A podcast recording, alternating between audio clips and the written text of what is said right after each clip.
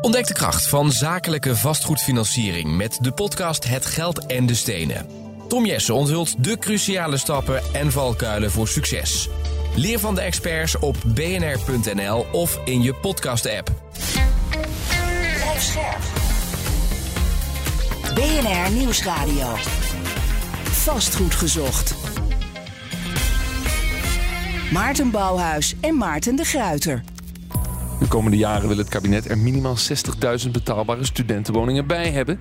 Dat staat in een actieplan dat al in het najaar van 2022 werd gepubliceerd. De vraag van deze week: liggen we ruim een jaar na het uitspreken van die ambitie nog een beetje op schema? Dit is vast goed gezocht, jouw wekelijkse update over de wereld van de stenen. Je hoort ons natuurlijk elke maandagmiddag half vier en s'avonds om zeven uur op BNR. Of gewoon online via je eigen podcastspeler of bnr.nl.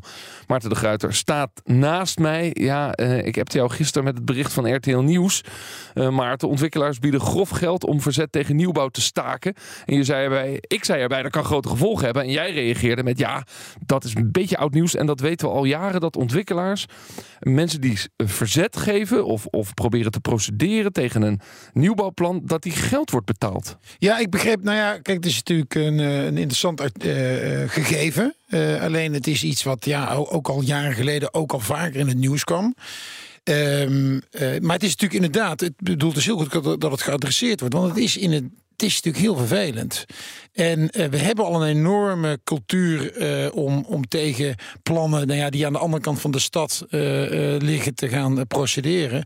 Ja, en dit helpt dat natuurlijk alleen maar. En, hoe meer het ook in het nieuws komt natuurlijk, hoe meer het natuurlijk ja, ook dat gebeurt. is het punt. Jan Fokkerman van Nepron die zegt ook in dat stuk van RTL: het gebeurt veel vaker dan vroeger. Het kost niet alleen geld, je kunt ook ethische bezwaren opvoeren. Je beloont zo in feite mensen die er misschien een slaatje uit willen slaan. Nou, als je gaat kijken naar Me Meerwede Kanaalzone bijvoorbeeld, ja, hè, waar wij een groot project waar wij ook in zitten. En er moeten 6000 woningen komen. En dat, daar, is, uh, daar wordt bezwaar uh, door een aantal partijen aangetekend.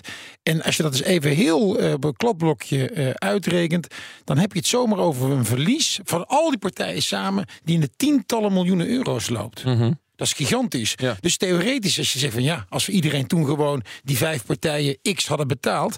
Maar ja, dat is natuurlijk een heel slechte. Uh, ja, dan ga je natuurlijk als maatschappij natuurlijk wel echt de verkeerde kant op. Want je gaat natuurlijk gewoon beroeps ja. uh, uh, bezwaarmakers hebben als je die niet al hebt. Ja, en je kunt het eigenlijk alleen oplossen door de bezwaarprocedure superveel te verkorten. Waardoor die en goedkoper wordt en dus de, de kosten van de ontwikkelaar of de nieuwe bewoner lager te houden.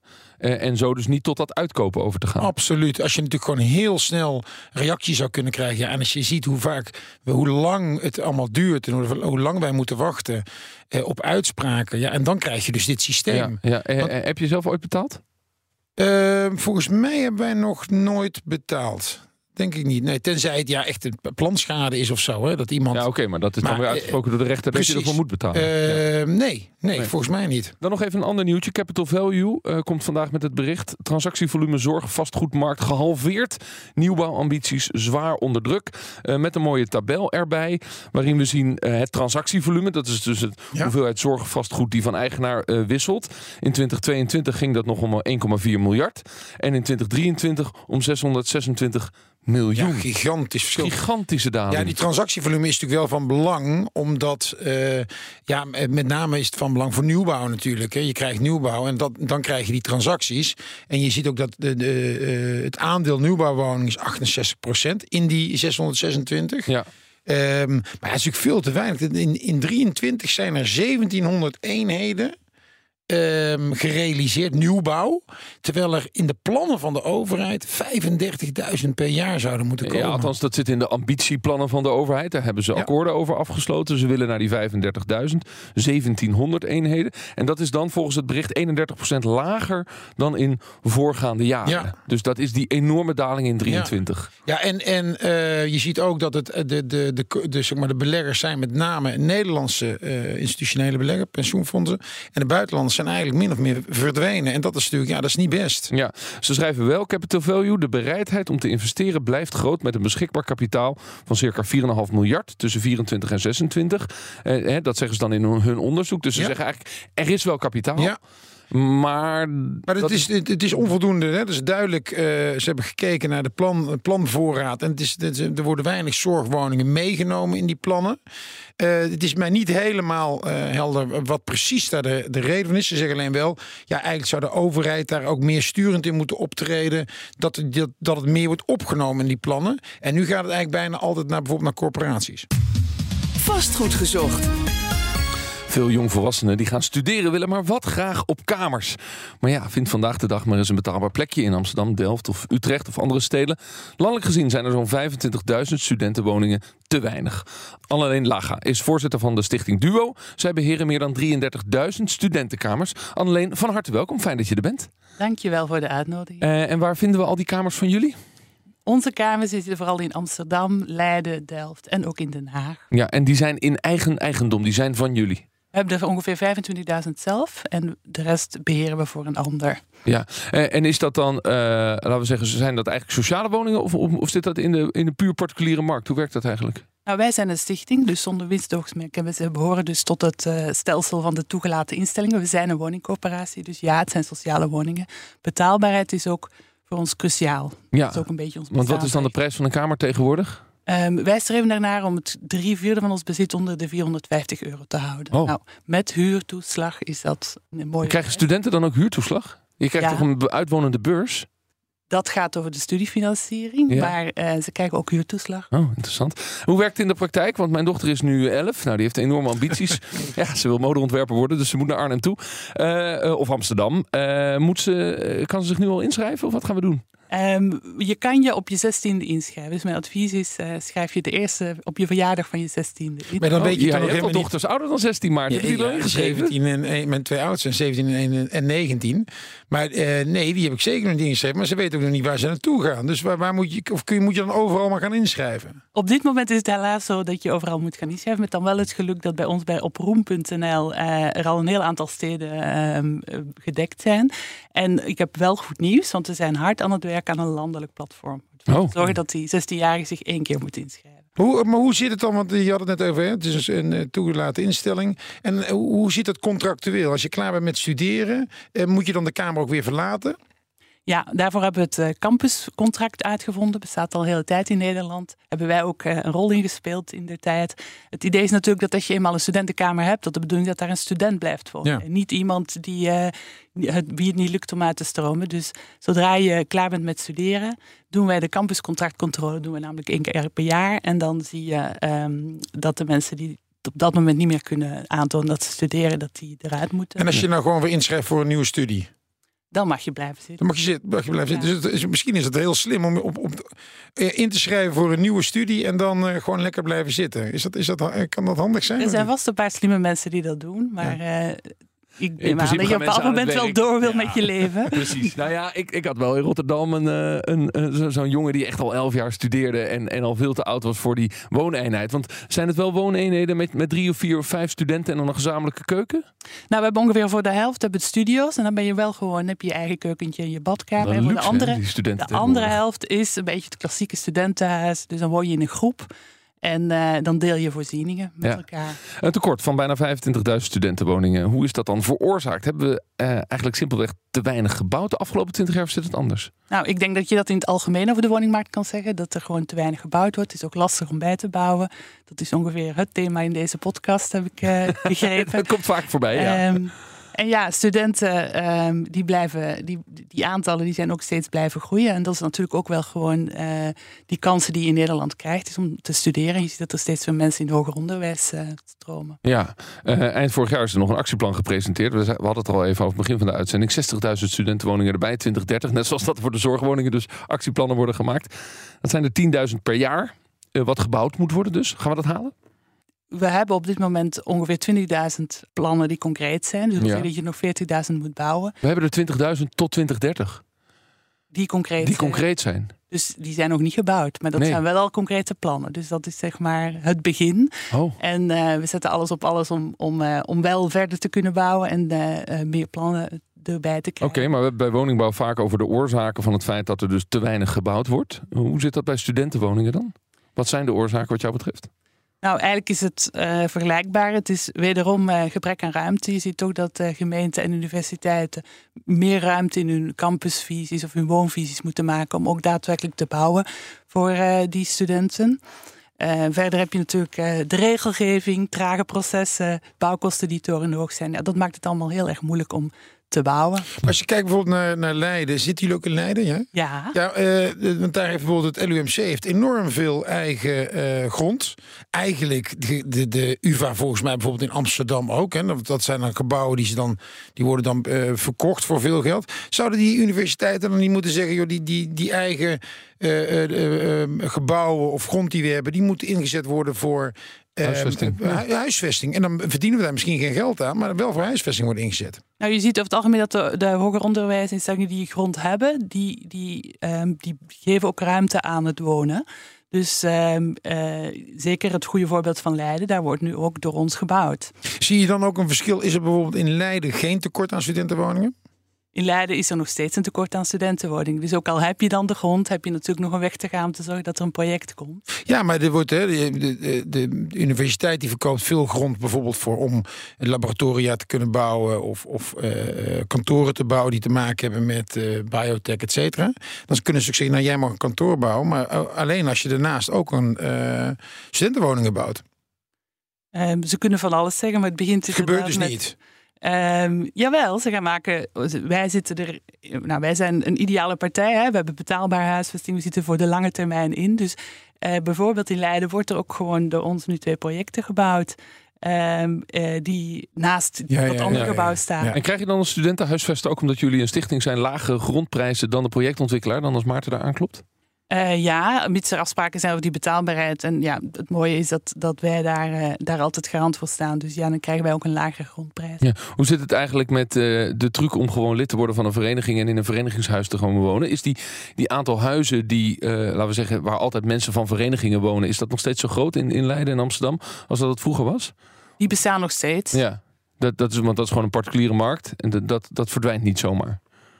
Precies, en ook wij hebben dit soort huizen. Waar oh, dat de verenigingen uh, mogen wonen. Maar terwijl jullie natuurlijk met een gewoon algemene inschrijflijst uh, werken. En, en, mag dat huis dan wel zeggen van ja, de, u moet hospiteren en degene die hier komt wonen, die, die moet wel lid zijn van Minerva? We hebben ook uh, hospiteerhuizen. En oh, we hebben grappig. Ehm, de wachtlijsten. Nou, dan onderscheidt dus die zelfstandige en onzelfstandige woningen. We hadden het er al even over. Onzelfstandig dus een keuken en een woonkamer wordt dan gedeeld.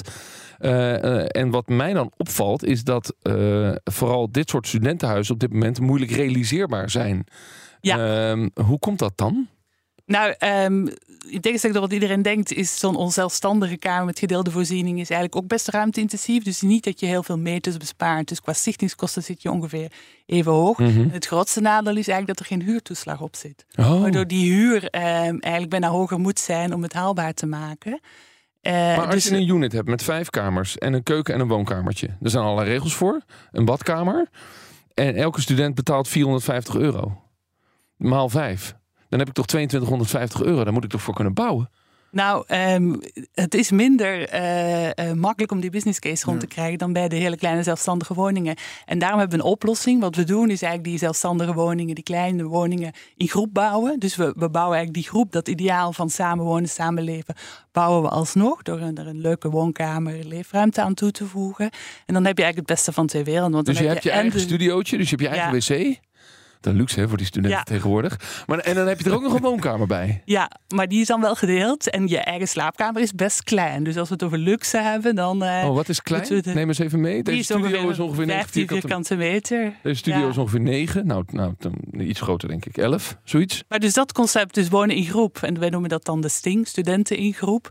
Die, die heeft eigenlijk het beste van twee werelden. Want ik, herinner, ik heb zelf heel goede herinneringen aan mijn studententijd. Als het gaat over het samenleven. Maar aan die douche zelf, met z'n allen daar heb ik niet zo goede herinneringen aan. Dus je ziet toch dat zo'n eigen badkamertje wel heel erg fijn is. Was dat voor jou, Maarten? Zat je in een studentenhuis met een gezamenlijke douche of uh, was het direct eigen studiootje? Um, het was wel een gezamenlijke douche. Ja, ja, precies. Dat wel. Uh, ik ook. Ik, ik woonde in, uh, in, in, Rotterdam achter het oogziekenhuis op de baan. Uh, en we hadden vier huisgenoten en één badkamer. Dat was nog wat te doen. Alleen de keuken was zo'n bende en niemand wilde het opruimen. Dat, Och, achteraf gezien vond ik dat het erg. Hè? Ja. Maar ik deed er zelf ook niks aan. Dat is ook wel weer grappig. Vaatwassen gewoon niet. Vaatwasser. Hoezo vaatwasser? We hadden geen vaatwasser. Nee. Nou ja, en wij zeggen juist dat dat op eigen benen staan en Ja. dus leren samenleven, dat dat gewoon heel erg goed is voor de ontwikkeling van de, die jonge mensen. Waarvan akte? Jullie weten ook wel dat het welzijn van de jongeren een beetje onder druk staat. Ja. Hè? Prestatie, druk, eh, keuzestress. En, eh, nou ja, Nou ja, mijn, dochter, mijn Ehm, dochters luisteren niet, maar als ze 18 zijn, gaan ze de deur uit. Huppakee, Het- Ja. zelfstandigheid. het schijnt dat dat samenwonen en leven, dat dat heel erg goed is voor je sociale en emotionele ontwikkeling. Studentenwoningen, Ja. daar hebben we het dus over in deze aflevering van Vastgoed Gezocht. Voor veel jonge eh, Nederlanders is het een eh, enorm karwei om in de grote steden dus een kamer te vinden. Deze studenten is eh, na lang zoeken is het haar toch gelukt. Ik ben Tess Kruijer eh, en ik studeer aan de HKU, Hogeschool voor de Kunsten in Utrecht. En eh, ik zit in mijn derde jaar nu. Eh, zodra ik wist dat ik was aangenomen, dat was in april 2021, eh, ben ik eigenlijk meteen op zoek gegaan. Heb ik me ingeschreven bij woningbouwverenigingen. En toen kwam ik er eigenlijk al heel snel achter dat ik veel te laat was omdat ik onderaan op de lijst kwam en je vaak wel een jaar tot anderhalf jaar, vaak twee jaar moet ingeschreven staan om überhaupt kans te maken. Tja, en wat ga je dan doen? Reuring maken op Facebook en Instagram natuurlijk. Zodat iedereen weet dat je zoekende bent. De eerste kamer waar ik terecht kwam was op de IBB in Utrecht. En dat was eigenlijk via een vriendinnetje van mij. Zij woonde daar ook en ehm, ja, zij ging toen weg en zij verhuurde het aan mij onder. Dat onderverhuren gebeurt vaker. Studenten gaan dan bijvoorbeeld stage lopen in een andere stad of ander land. Negen maanden kon Kruijer hier blijven. Daarna nog een klein half jaar in een andere kamer van dat studentenhuis. Maar vervolgens stond ze toch weer op straat. Of, beter gezegd, moest ze terug naar haar ouders. Toen kwam ik terecht in mijn tweede huis. Dat was bij Stadsoase, Kanaleiland. En daar ging ik weer onderhuren van een meisje. Eh, en die ging maar drie maanden weg. Dus dat was heel, heel kort, maar ik was al lang al blij dat ik iets had. Na ruim twee jaar zoeken heeft ze nu dan eindelijk toch een vaste plek gevonden. In Utrecht Lunette. En ook daar heeft ze trouwens voor moeten hospiteren. Hospiteren is eigenlijk een soort sollicitatiegesprek, maar dan met huisgenoten voor een kamer. Tegenwoordig krijg je zeker 80 tot 100 berichtjes op een kamer. En dan zoeken zij uit die mailtjes waarvan zij denken eh, de nou, 15 leukste uit. En die 15 die komen dan langs op een avond. En uit die 15 kiezen ze dan ja, de leukste persoon om te komen wonen. Diegene mag zich dan inschrijven bij de woningcorporatie. Hospiteren dus. Ja, bepaal maar eens wie de leukste persoon is. Eh, in eh, studentenland is dat inmiddels heel gewoon. Uh, Tess Kruijer was dat, student uit Utrecht. En uh, ja, is- Hero, ze kwam uit Noord-Holland ooit. dus, ja. Het is wel bevorderlijk voor zelfredzaamheid, vind ik. Ja. Ik bedoel, je moet wel gewoon aan de slag. Je moet wel echt aan de slag. Het is Ja, wel en- ondernemend. En ze is ondernemend, dus ze is uiteindelijk wel overal terechtgekomen, Ja, toch ergens? Fijn dat ze een kamer heeft in Lunette. Eh Anneleen Laga van de Stichting Duo is bij ons. Eh, die sollicitatiegesprekken, schering en inslag dus. Ja, maar dus nogmaals, dat is niet voor alle studentenwoningen zo. Nee.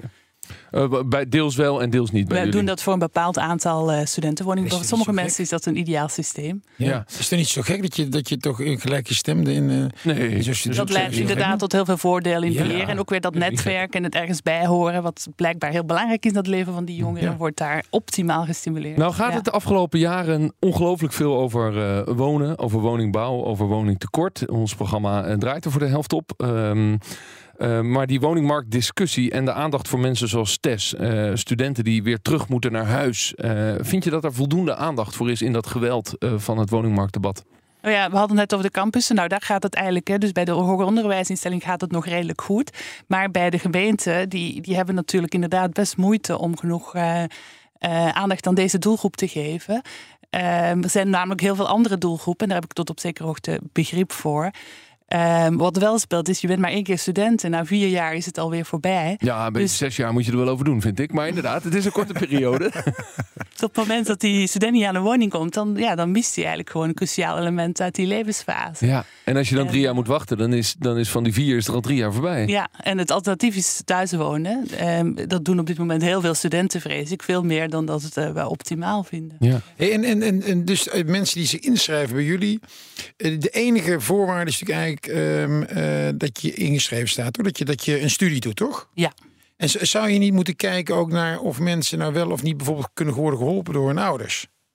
Nou, dat is eigenlijk een, een, een heel principieel punt. En dat eigenlijk ook in Nederland eigenlijk altijd zo. In Nederland is het eigenlijk altijd zo geweest dat dit je op eigen benen gaat staan. En dat je dus niet zonder hulp van je ouders moet kunnen studeren. Daar ook, eh, daarop is ook dat studiebeursstelsel gebaseerd. Dus eh, wij zijn eigenlijk bijna principieel van eh, het moet ongeacht eh, wat je ouders ervoor kunnen geven, moet het mogelijk zijn om een studentenkamer te vinden. Ja, maar is die groep eh, kinderen die echt geholpen kunnen worden door hun ouders niet heel klein?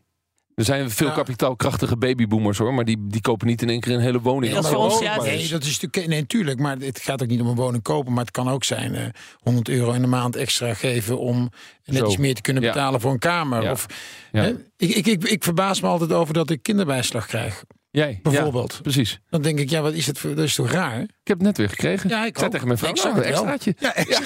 Ja, maar ik vind het toch gek. Ja. Dat vind ik hierbij. Dan denk ik ook, ja, je kunt natuurlijk ook kijken. Mensen die wat meer kunnen doen. Ja, zit wat in? Nou ja, dat, dat is wat jij al zei. Dat zijn over het algemeen de happy few, die, waarvan je echt zegt dat die niet nodig Ja, hebben. En die waar kiezen dan voor andere, die kie- kiezen voor andere woonconcepten. We zijn natuurlijk niet de Ja, enige de echte als Happy Few die hebben al lang een pandje gekocht in Amsterdam, Ja. zodat hun kinderen daar later kunnen wonen. Maar dat is een kleine groep. Eh, dan, dan nog iets, die buitenlandse studenten. Eh, hoe kijken jullie nou naar, want daar is in het debat ook veel over gegaan. Als het over migratie, de verkiezingen gingen over migratie.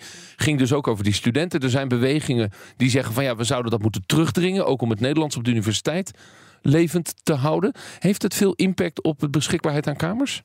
Eh, op dit moment is ongeveer 15% van de studenten is, komt uit het buitenland. Ja, die moeten per definitie een kamer hebben. Die moeten bij de, dus die hebben, die hebben het echt nodig. Niet zoals eh, eh, eh, sommigen denken, die hebben het niet nodig. Nee, die, die zijn juist degenen die het meest nodig hebben. Ehm, en eh, ja, dat, dat, dat daar op dit moment een discussie over is. Of, of je dat nu ongebreideld moet blijven laten groeien. En of dat je niet beter moet nadenken welke opleidingen je in die mate openzet voor buitenlandse studenten.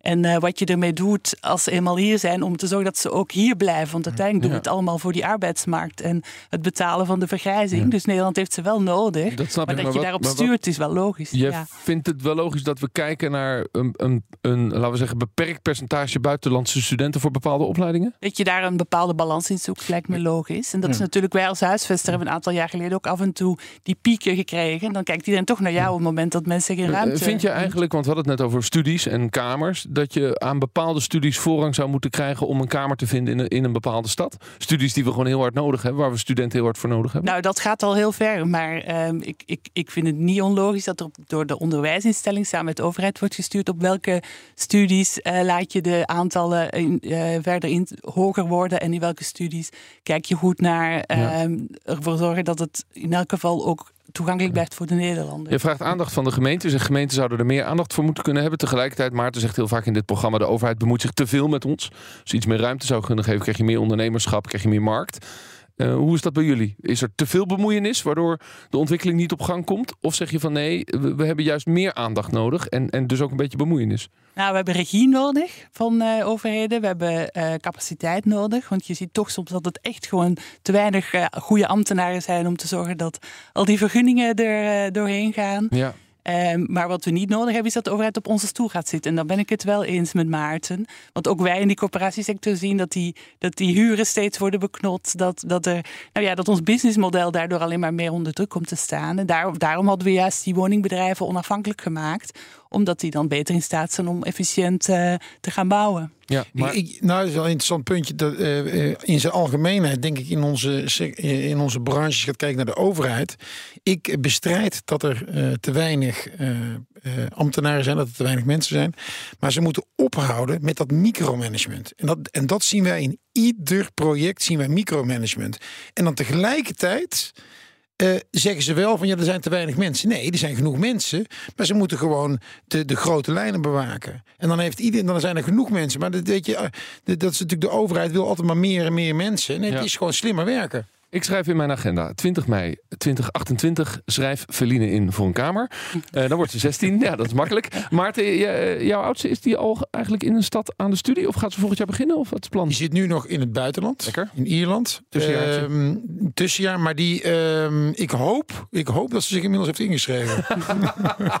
Misschien toch eens even een appje sturen. Anneleen Laga van de Studentenhuisvesten Duo. Dankjewel voor dit gesprek en de aandacht voor die studentenwoningen in ons programma. Ik wil er even beamen dat ik ook tegen eh, eh, te veel regels ben. Want het begint natuurlijk met de zorg dat je alleen maar regels hebt op wat echt nodig is. En dat ze niet onhandig elkaar tegenwerken. Want dat maken we ook heel erg mee.